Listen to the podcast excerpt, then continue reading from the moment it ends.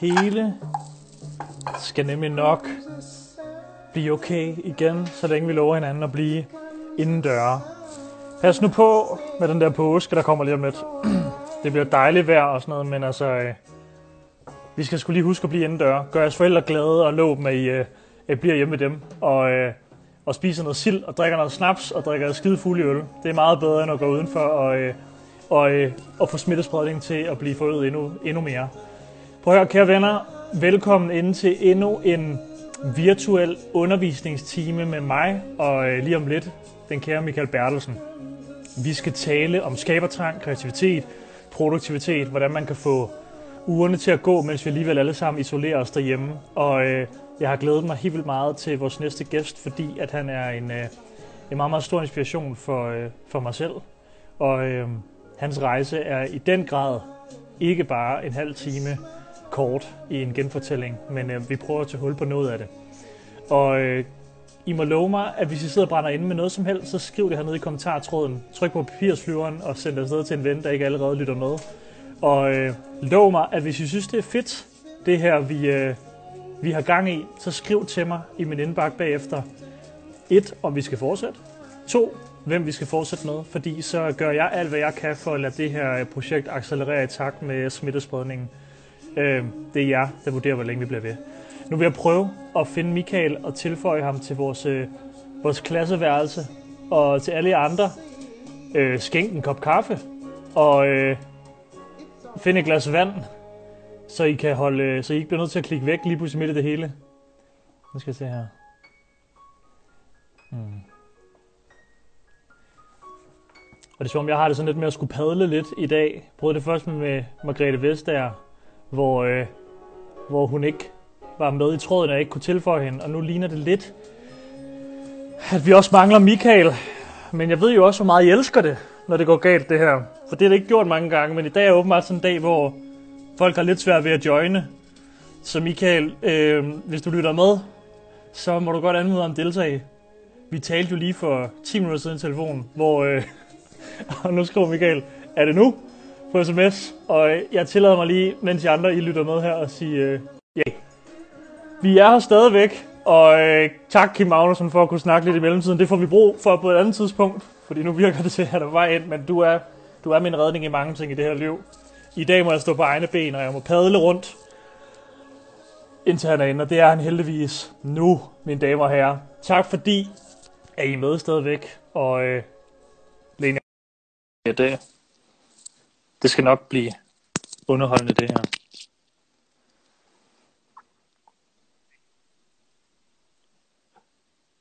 Nu, nu, nu er du igennem, Michael. I hvert fald. På skærmen. Ja.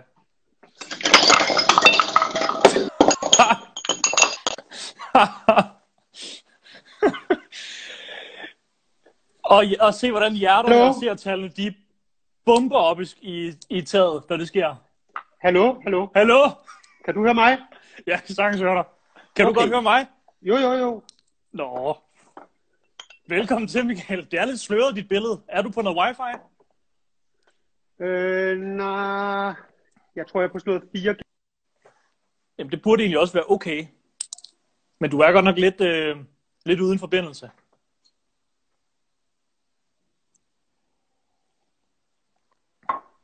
Jamen, nu er, nu er, der, nu er der bevægelse er, på dig. Er jeg uden forbindelse? Ja, du, ja du, er, du er enormt dårligt forbundet. Men, men det er sådan, jeg ser ud. det, det, er, det kan jeg ikke du, Men du bevæger dig slet ikke. men altså, går jeg klart igennem med dig? Fuldstændig. Du ligner en, øh, en ung mand okay. øh, i øh, slut 20'erne. Øh, med, du, du har fuldskæg, og jeg kan se dig fuldstændig klart og tydeligt.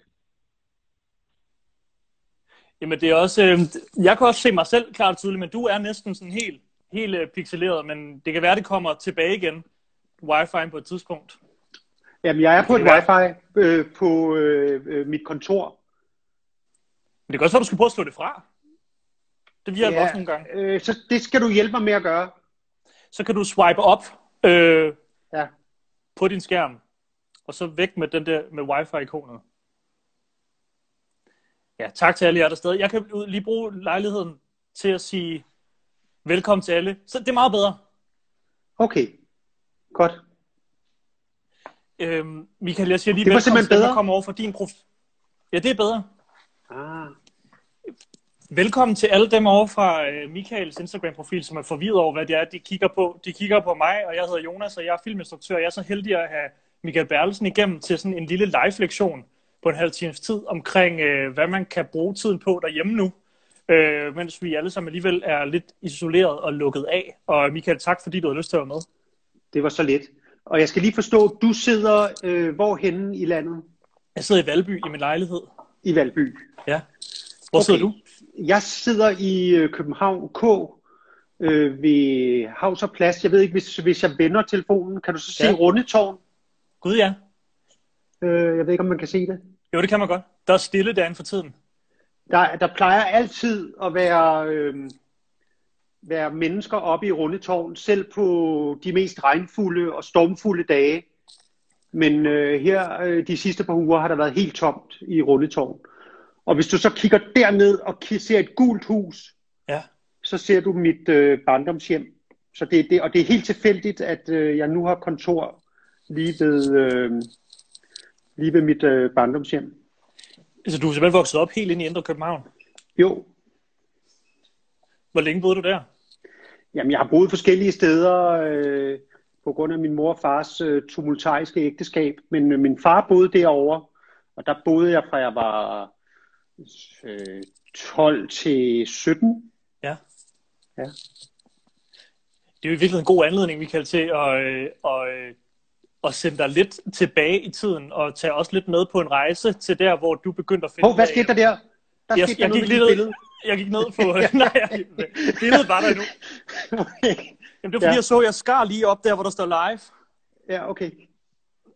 Men Michael, vil du ikke prøve at tage os lidt med tilbage til din ungdom, dengang, hvor du fandt ud af, at det her med i virkeligheden at arbejde med medier, og det her med at udkomme og fortælle historier, både øh, journalistisk, men jo også i forhold til at skabe koncepter og sætte projekter i gang. Altså, hvornår skete alt det her? Fordi du har jo mange hatte på, men hvad var den første Ja. hat, du kan mærke, du begyndte at interessere dig for? Altså, jeg tror, det startede med, øh, at jeg gerne ville være... øh, Altså, hvis jeg skal starte helt fra begyndelsen, så opdagede jeg som helt lille, måske har jeg været en to-tre år, at jeg kunne gå op på mine tær, ligesom øh, balletdansere. Altså, Ja.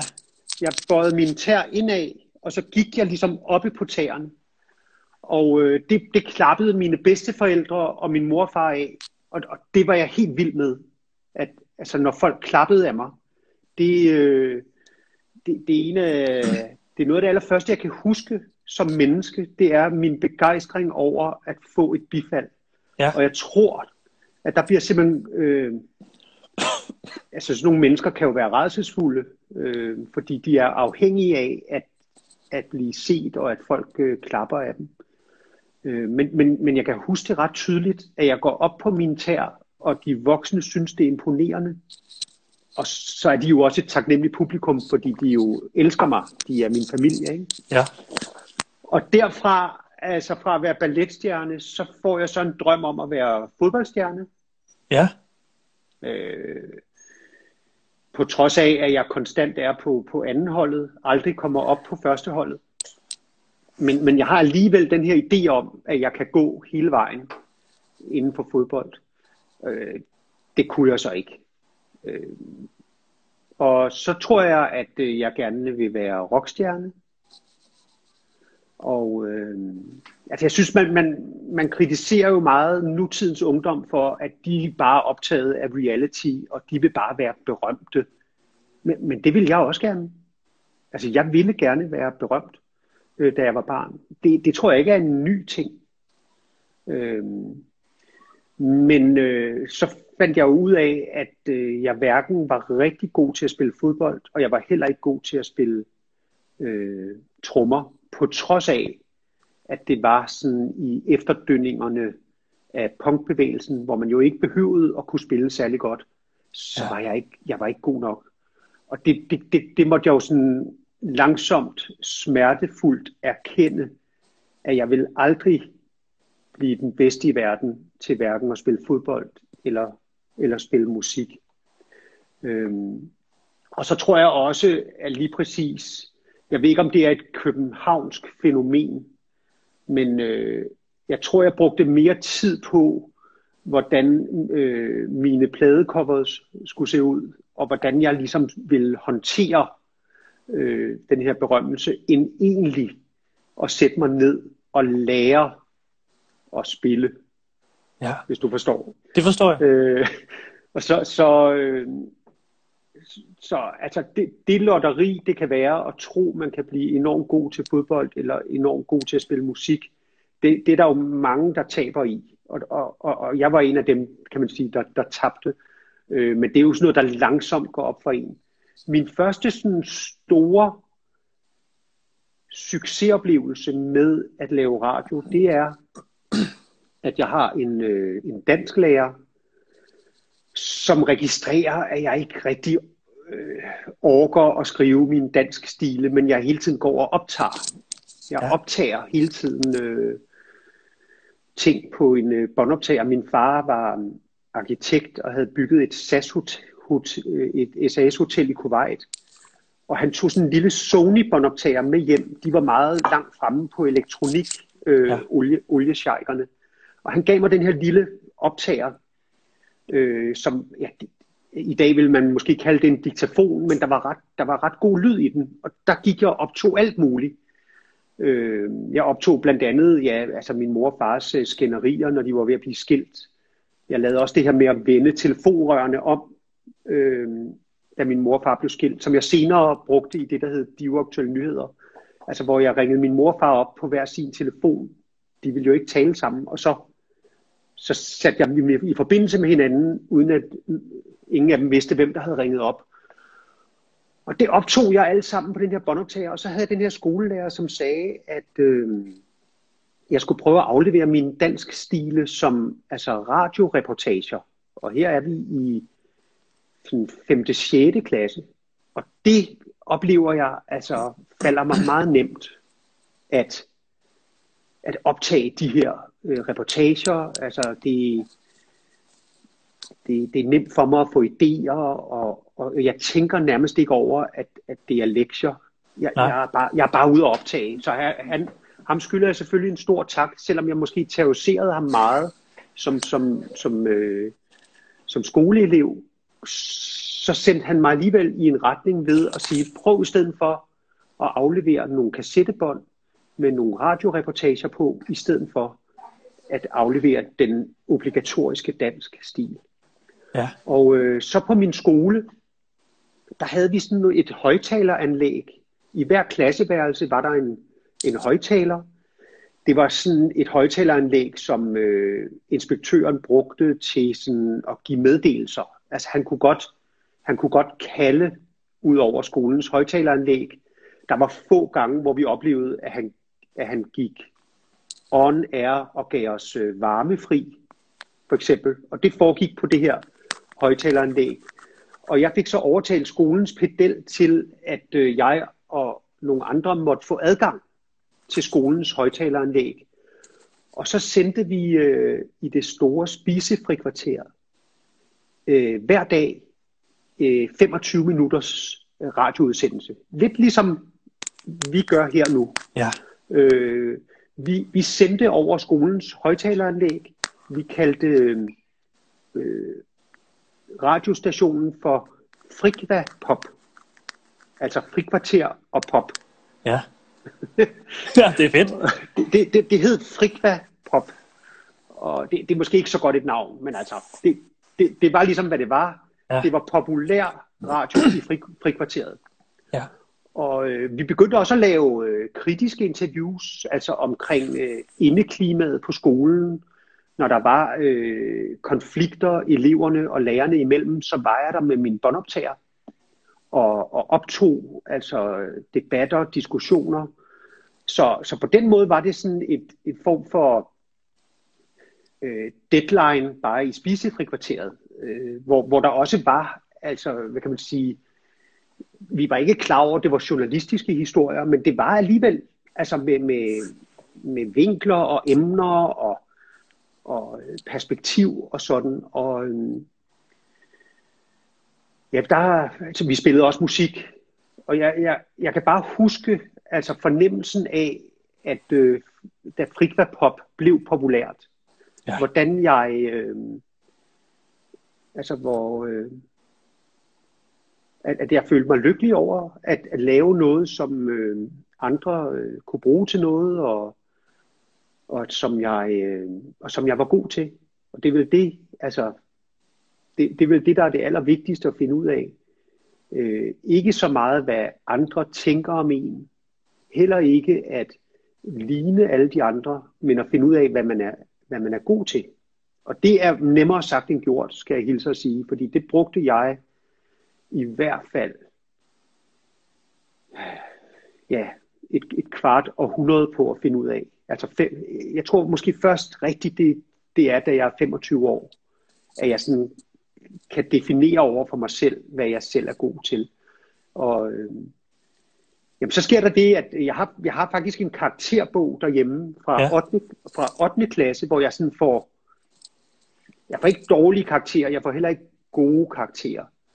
Men i kommentarfeltet skriver min lærer, Michael bruger alt for meget tid på radiostationen. Det er en besked til mine forældre. Altså, han oplever det som et problem, ja. at, at jeg går for meget op i den her radiostation. Øhm, og det, det, her, det har jeg nok også gjort. Øh, så så, så det, det, hvis, det, det er det meget lange svar på dit spørgsmål om, hvornår Ja, nu har jeg faktisk glemt spørgsmålet. Nej, nej, men det var det, der var spørgsmålet. Hvad var den første hat, du begyndte at, øh, at tage på i forhold til, hvad du laver i dag? Fordi det vil sige til nogle af de unge også, hvis man ikke lige vidste det om dig, det er du har jo egentlig ikke, i hvert fald, det står ikke skrevet, en formel videregående uddannelse. Er det ret forstået? Ingen, jeg har ingen uddannelse. Så, så, så altså, hvad er det for et spring, du tager jeg, derefter? Jeg, jeg er det, man kalder autodidakt, ikke? Altså, jo. Øhm, jeg har, øh, jeg har en, en studentereksamen som jeg ikke rigtig brugte til noget. Så sejlede jeg jorden rundt på et sejlskib sammen med to venner som 18-årig. Og så havde jeg alle mulige forskellige jobs. Altså både, øh, jeg arbejdede i en børnehave, jeg arbejdede som tjener, jeg arbejdede som øh, jordbetonarbejder. Alle, jeg var også sådan en stik i. Øh, I dag tror jeg, man kalder det runner. Øh, det hed det ikke dengang. Der, der, der talte man stadig dansk. Så, så jeg var dem, der hed Vigga og Rasmussens stik i randdreng, ja. øh, hvor jeg gik til hånde øh, på deres øh, tv- og filmoptagelser. Og øh, de, de behandlede mig, der, det, det er jo virkelig den måde, man kan kende folk på. Altså, fordi jeg var jo altså, den laveste i hierarkiet, og de var jo, øh, hvad kan man sige, cheferne, og, og de behandlede mig simpelthen så øh, respektfuldt og... Øh, og, og sympatisk, selvom jeg var en lille dreng. I virkeligheden, Michael, kunne det være spændende at spole, øh, det, det startede også med at starte, jeg startede med at sige, at man kunne tale om rigtig mange forskellige ting, øh, når, det, når det handler om dig, og mange ting, som, som øh, der er mange ting i dit arbejde, som har inspireret mig enormt meget. Jeg er enormt inspireret okay. som, som okay. øh, når, nogle af dine dokumentarserier, når øh, okay. jeg brugte hele min, hele min sommer, hvor jeg fik aflyst en tv-serie, den måde, jeg kunne komme over det, var på at se din, din rejse rundt i Japan og sådan noget, men jeg er ikke sikker på, at det er det, som de unge får mest ud af, at vi taler om lige nu, så måske kunne det være spændende at høre dig. Du siger simpelthen de unge. Ja. ja. Det vil jeg øhm. nok, øh, altså, nu arbejdede jeg mange år på ungdomsredaktionen i Danmarks Radio i det, der hedder BAU. Ja. Og, og, og BAU står jo for børne- og ungdomsredaktionen, men derudover så havde vi simpelthen en regel om, at vi sagde aldrig de unge. Nej. Fordi så havde man ligesom allerede... Øh, ja. Jamen, jeg har, der er en anden ting i det. Så havde man jeg, allerede mistet den på en eller anden måde. ja, men det, det er der en, det er der en øh, og, havde, og kunne jeg ikke binde det op på noget statistik, så vil jeg også passe på med det. Jeg kan se, hvem det er, der følger med, men det, som jeg faktisk har haft et lille problem med, det er, at jeg har for mange, øh, så forstå mig ret, for mange voksne, der kommer ind og kigger med, som har en Instagram-navn, der hedder Isabellas underscore mor og ind og, og stille spørgsmål og skriver, hvordan kan jeg komme ind og se det? Og, det kan jo og, være en af de, de, de, det kan være en af de unge møder jo. Ja, det kan det jo godt være. Ja. Men jeg prøver hele tiden at, øhm, at, at, ja. at tage lidt ned, eller tage lidt ind i dem, som jeg gerne vil have lytter okay. med her. Og jeg, men, men du har en pointe, men jeg synes, der er noget interessant i det her med, at du jo både har arbejdet, som du selv siger, i, øh, i DR, og været, øh, været med til at sætte projekter i gang, udvælge projekter i Radio 24 og du også er programchef, mm. været med til at vælge, hvad, hvad rykker vi med, hvad, hvad, hvad lyder som en god idé. Kan Nå, du prøve ja. at sætte lidt ord på, hvilke, hvad skal der til for, at, øh, at du ved, at du tænder på et projekt, og, øh, og hvad skal man gøre sig klart, hvis man går med en idé derude, og egentlig godt kunne tænke sig at udvikle den, og måske en dag komme til dig og præsentere den? Jeg ved godt, det er et abstrakt spørgsmål. Ja, også fordi nu, jeg, jeg har jo ikke, altså mit botthorn er jo blevet taget fra mig. Altså jeg har jo ikke på den måde en øh, tv-kanal eller en øh, radiokanal lige i øjeblikket, hvor, hvor jeg kan hvor jeg kan sende ting ud. Så, øh, så derfor så kan man sige, øh, så, så, så har jeg jo ikke den øh, penge, pengetank eller den magt længere, Nej. hvilket måske også er meget godt, øh, så man øh, lærer at forholde sig ydmygt i forhold til det. Ikke? Jo. Men, øh, men altså, jeg, altså, jeg arbejdede jo meget tæt sammen med Mads Brygger på Radio 24 /7. Og det, der gjorde nogen, at, at vi sådan tænkte, altså det er jo, det er jo altså, øh, det er meget tydeligt at mærke, om, om folk vil noget. Altså, øh, det, det, det er fuldstændig ligesom, at, øh, at du møder nogen tilfældigt på gaden, og så fortæller de dig en, øh, en god historie. Altså, og, og den historie, den, den sætter noget i gang i dig. Du, du, du kan ikke slippe den. Du tænker over det. Du tænker over det, inden du falder i søvn om aftenen, nogle dage efter. Tænk, det var, det var, altså, det var, det var ret interessant, det han fortalte mig, da jeg mødte, ja. øh, lad os sige, øh, Knud Romer på gaden. Der fortalte han mig det her. Og så, øh, altså, så det er jo bare, hvad kan man sige, at at fortælle en god historie, som jo ikke har forandret sig siden man, man sad rundt om, om et lejrbål i, øh, i, i stenalderen og frem til nu. Det er bare, altså nu er lejrbålet bare udskiftet med øh, altså øh, et mobilt kamera, eller hvad det nu kan være. Altså det, det, er stadig det samme. Altså, øh, og det vil altid være det samme, det med at fortælle en historie til andre. Øh, og så, øh, ja, så, så tror jeg egentlig bare, at, at, at en god idé kombineret med en, en god fortæller, det, det, det kan man simpelthen ikke, øh, det kan man ikke holde nede. Og, og det vil aldrig gå af mode. Øh, så øh, ja. Jamen, det giver god mening, det der. okay. Ja, det ved jeg ikke. Jo, det gør det.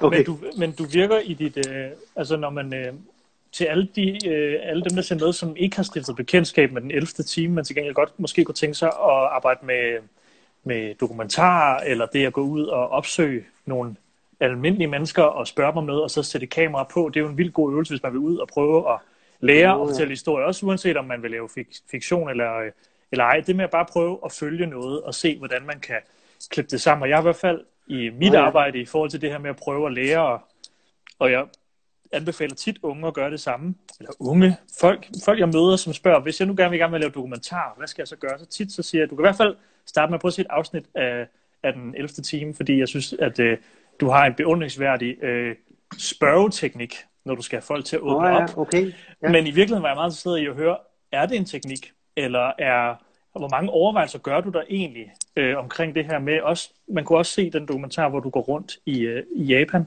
øh, på en pilgrimsrejse, hvor du også formår at få en masse forskellige mennesker til at åbne op og starte en, en samtale i virkeligheden. Og som dokumentarist, hvad, hvad bruger du for nogle værktøjer, Michael, i forhold til sådan at, at fortælle de det er meget, øh, Det er meget banalt. Altså, det, ja. er sådan, det er ikke særlig kompliceret. Det er, det er sådan ren og skær øh, nysgerrighed. Ja. Og så er det også, øh, hvad kan man sige, øh, mange års træning i at, at øh, ture øh, slappe så meget af, at man også øh, lukker op for, at der kan ske nogle tilfældigheder, der kan opstå noget. Øh, jeg, jeg, altså, for eksempel da, da jeg gik de her lange vandreture i Japan, der gik jeg jo nogle dage sådan op til 10-11 timer. Og meget af tiden skete der jo ikke noget, men, men lige, altså, så snart man sådan var ved at, at nærmest at opgive ævret og tænke, jamen det bliver så bare en dag, hvor, hvor der måske ikke sker så meget, og, og acceptere, at det her bliver så ikke en, en særlig spændende dag.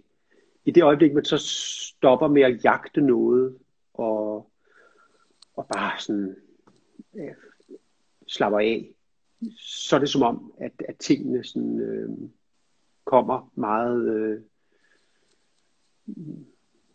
meget nemt til en. Altså et eksempel er, at vi havde gået i lang tid i en, i en bambusskov, og der var ingen tvivl om, at vi var de eneste i den skov, fordi vi, fotografen og jeg mødte ikke nogen andre mennesker, og så på et tidspunkt, hvor jeg stoppede op for at, at drikke noget vand, og, og kameraet kørte, så, så, så var der en mærkelig lyd. Altså det lød sådan mærkelig klagende. Jeg troede først, det var et dyr, der var gået i en fælde. Altså, du ved, altså måske sådan en, en øh, ja, sådan nogle fælder, hvor, hvor dyrene altså simpelthen får, øh, får poten i klemme, ikke? og så øh, klager, klager deres øh, smerte ud. Det lød mærkeligt, mærkeligt. Altså det, jeg, jeg kan ikke engang, jeg kan ikke engang øh, efterligne den lyd. Men vi brugte, tror jeg, to timer på at forfølge lyden op ad et, et stejlt bjerg igennem noget, noget krat. Hele tiden stoppe op, og så, hva, hva, hvor kommer den lyd fra? Øh, og vi glemte sådan set, at, at, at vi optog, fordi vi ville bare gerne finde ud af, hvad det var. Og hvis det var et dyr, der var, der var blevet øh, fanget, så, så ville vi altså, hjælpe det. Ikke? Oh, der er meget skarp sol her. øh, men øh, men vi, vi, vi klatrer op ad bjerget, og, og til allersidst kommer vi nærmest op på et, et plateau, altså på toppen af et bjerg. Og jeg, jeg kommer kravlende ud af noget buskads, og så sidder der altså en zen-buddhistisk munk på en veranda foran hans hytte, og, og trutter i et kæmpe stor øh, sneglehus, altså en, en, en konkylie.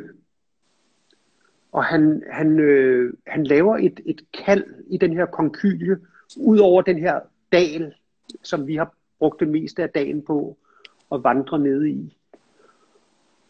Altså, det må også være mærkeligt for ham. Han havde siddet, han havde, han havde siddet der isoleret i tre måneder, uden at, at, at se nogle andre mennesker. Og, og pludselig kommer jeg altså væltende ud af et buskads med en øh, fotograf ja. med, med kamera på skulderen. Jeg, jeg er jo forbløffet over, at den lyd, vi har, øh, har jagtet i over to timer, kommer fra altså en konkylie men altså, vi, vi, vi ser hinanden i øjnene, og der er, altså, der er med det samme en fuldstændig klar forbindelse imellem os.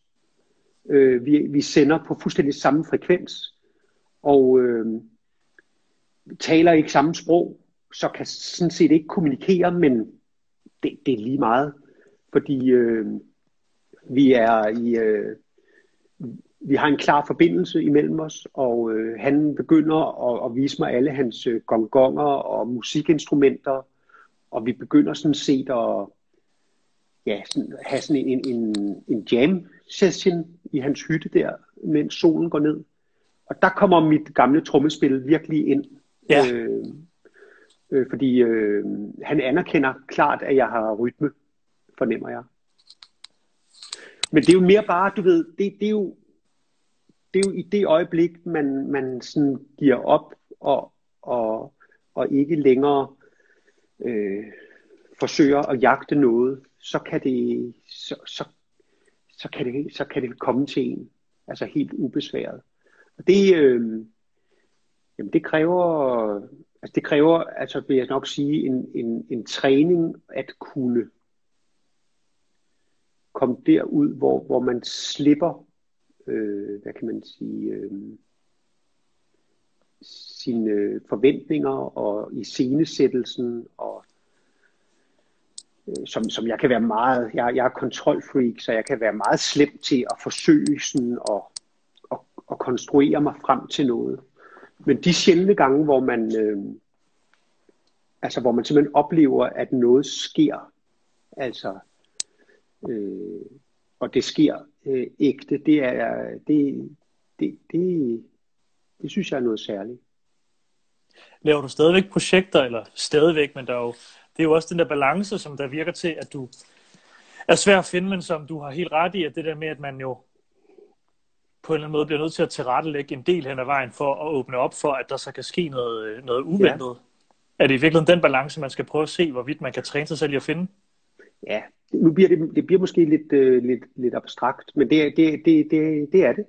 Ja. Og øh, ja, og det, det, det kræver også en enorm forberedelse, altså at komme frem til det øjeblik, hvor man er så velforberedt, at man er parat til at kaste alt, hvad man har øh, læst og lært og forberedt sig på, altså bare kaste det over bord, og så være til stede i det øjeblik. Selvfølgelig vil man så stå på skuldrene af, at man har forberedt sig så godt, at man, øh, at, at man kan slippe, slippe øh, hvad kan man sige, sikkerhed, sikkerhedsnettet, ikke? Øh, jo. Men du spurgte om, om jeg stadig laver projekter? Nej, det var ikke det, jeg mente. Jeg tænkte, om du stadigvæk lavede projekter, hvor, øh, ikke at det er en påstand, at du har gjort, men der er jo mange dokumentarister, som også tænker, nu, nu følger jeg bare med her, så ser jeg, hvad der sker, så kigger vi om et år, og det ja. kan være vildt svært, det der med at arbejde med uvidshed. Er der en historie her at fortælle? Gør du ja. samtidig det, eller prøver du at spore den fra starten? Det her ved jeg kan blive til noget interessant herover, og så ved jeg til gengæld ikke, hvad der sker. Nej, altså i øjeblikket arbejder jeg på et, et stort, sådan, ambitiøst projekt, som jeg har ja, koncentreret mig om i snart ja, flere år, øh, hvor jeg laver nogle interviews, som, øh, som er på en 4-5 timer. Og når jeg har optaget interviewet, så bliver det gemt på det kongelige bibliotek i deres arkiver. Og det vil sige, at dem jeg interviewer, de øh, skriver også under på, at, øh, at den samtale, vi har haft, den øh, er fortrolig. Øh, optagelserne bliver lavet i et, i et filmstudie, hvor øh, ja, altså lydmanden sidste gang vi optog var fra Holland. Øh, fotograferne kunne ikke høre, hvad der blev sagt. Og produceren, som sad og styrede kameraerne, var også øh, øh, fra udlandet. Så på den måde var, er, er jeg og den person, jeg interviewer, de eneste, der forstår, hvad der bliver sagt. Og vi optager så den her samtale, og den bliver så gemt på det kongelige bibliotek, og bliver først øh, vist, når interviewpersonen, som jeg, jeg taler med, er død. Og øh, det er et ret specielt, øh, det, det er nogle ret specielle samtaler, vil jeg sige, som øh, jeg forbereder mig på i, i lang tid. Altså, jeg, jeg vil nærmest tro, at jeg forbereder mig i halvanden måned på et eneste interview. Og, øh, og der er jo så, hvad kan man sige, lagt den præmis ned over det, som den, jeg taler med, også er, er fuldt ud klar over, at det her, vi sidder og taler om, det bliver altså mine sidste ord. Øh, det bliver noget, som vil, vil stå, øh, som eftertiden vil kunne se. Øh, og øh, ja, hvad kan man kalde det? Sådan et slags levende eftermæle. Øh, nu er Spændende. dem, jeg har talt med, øh, heldigvis er der ikke nogen af dem, der de, de er stadig øh, i live. Så, øh, men, men altså, så man ved ikke, om det vil blive vist øh, om en uge eller om, om 10 år. Og jeg har også lavet den aftale med det kongelige bibliotek, at øh, jeg ikke fortæller, hvem der medvirker. Så, så det, er ret, det er ret specielt for mig at lave noget, som ingen øh, hører, når det bliver optaget. Øh, ingen ser. Ingen ved, hvem der er med, og ingen ved, hvornår det bliver vist. Det er som, simpelthen som at, at, at famle sig frem i, øh, i mørke. Og egentlig også sådan, øh, en ret ensom arbejdsproces, øh, bortset fra, at man jo har en, en meget, øh, hvad kan man sige, man har et ret intenst forberedelsesarbejde med den, der skal være med. Ikke? Jo. Så, så det, det, det har jeg været optaget af, og det, det er der mange grunde til, at jeg godt, jeg godt har kunne tænke mig at lave. Øh, ja. Det forstår jeg da godt. Det lyder da helt vildt ambitiøst og spændende at se, når der, ja. når der, når det, når der kommer se, om det, overhovedet, øh, om, om det overhovedet giver mening. Ja. Nå, vildt nok. Michael Brøger, tid, tiden den er altså fløjet. Er den det? Ja, du har kun stillet tre spørgsmål. Hov, er mine briller solbriller? ja, de bliver, de bliver til solbriller. Lige så snart der kommer lys på. Nå, hvor vildt. Så, øh, jamen, det er almindelige briller, ikke? Jo, de, må, så, de er sorte nu. Så lige så snart solen skinner på dem, så bliver de øh, automatisk til solbriller. Men der er sådan... Nå, gud, hvor smart. Ja, bortset fra, at... Øh, Den burde lige kunne hvis man kommer ind fra gaden og ind i en butik, så kan det jo godt virke lidt arrogant, at man har solbriller på. Ikke? Ja, Men jeg, kan ikke, jeg, kan ikke, jeg kan ikke se, hvad der står på, øh, på kasseapparatet, hvis ikke jeg har dem på. Øhm, Michael, Hvorfor er det allerede slut? Jamen det er fordi, det svarer næsten til en øhm, lektion i folkeskolen. Så kan man lige nå ud og øh, få en guldråd, inden man skal ind og høre den næste lektion. Mm. Men det kunne godt være, det kunne godt være længere. Ja. Er der noget, du har og, tænkt, som, øh, som du synes, der havde været interessant at tale om, som vi ikke nåede nu? Også i forhold til, at du hørte min invitation. Ja, jeg synes måske, vi har talt lidt for meget om mig, selvom det er jo et enormt spændende emne. Ja. Men øh, jeg tænker, at øh, noget jeg selv er ret dårlig til, fordi der er så mange øh, forstyrrelser, og der er ja. så mange ting, der distraherer en, og der er så, meget, øh, der er så mange overspringshandlinger, på, øh, ja, blandt andet på ens telefon, det er, at øh, hvis, hvis man nu øh, er forhindret i at gå i skole, og øh, ja, er derhjemme, og altså, og, og jeg siger det ikke fordi, at, at, øh, at jeg skal sidde og spille sådan, øh, Øh, klog eller særligt dannet, fordi jeg er selv enormt dårlig til det. Men altså at, at prøve at tvinge sig selv til øh, at læse en bog. Altså jeg ved godt, det ikke er den mest originale idé, men det er bare noget, der er, det er svært at, at koncentrere sig om. Men, men det lykkedes mig dengang, jeg sejlede jorden rundt og kede mig så meget, fordi vi var jo fanget på en sejlbåd. Vi var fem mand, der var fanget på en sejlbåd, og der kom folk til og fra den her båd. Og de havde alle sammen sådan de store klassiske mesterværker med ud på båden, altså tykke bøger, som de ikke tog med sig hjem. Så altså, derfor efterlod de dem i øh, sejlbådens øh, bibliotek. Og dem begyndte jeg at læse, og jeg vil sige, at øh, jeg tror, det var noget af det, der var med til at, øh, at jeg fandt ud af, øh, hvem jeg var. Altså, det er selvfølgelig, det, det finder man måske aldrig helt ud af, hvem man er, men, men i hvert fald kom jeg ret langt med at forstå, hvem jeg var ved at læse mig til andre menneskers øh, tanker, måder at øh, opleve verden på osv. Øh, så om ikke andet, hvis man, og det, det, det er måske det kedeligste råd, man overhovedet kan give. Øh, men men at, at prøve at tvinge sig selv til at læse en god bog. Der popper med det samme en kommentar op, Michael Men, der spørger, har du en bog, du lige vil anbefale, hvis nu man bare gerne vil læse i aften så? Er der en, en fra hoften, man kunne starte i? Ja, hvad med øh, kærlighed i øh, vi skulle lige sige coronaens tid, men det er Kirsten Birgit, der, der har skrevet den. Øh, Kærlighed i kolerans tid. Ja. Gabriel Garcia Marquez, som handler om altså øh, øh, hvordan mennesker øh, levede under øh, dengang øh, kolera hervede, og på den måde er, er fuldstændig øh, minder om vores tid. Er det, er det, Det synes jeg er en rigtig god anbefaling. det, det er fri- frikvarteret, der ringer ud? Ja, ja, men nu sætter jeg bare lidt musik på, mens vi ruller ud, fordi du var jo så sød. Og Det er Nina den anden Simone. tråd.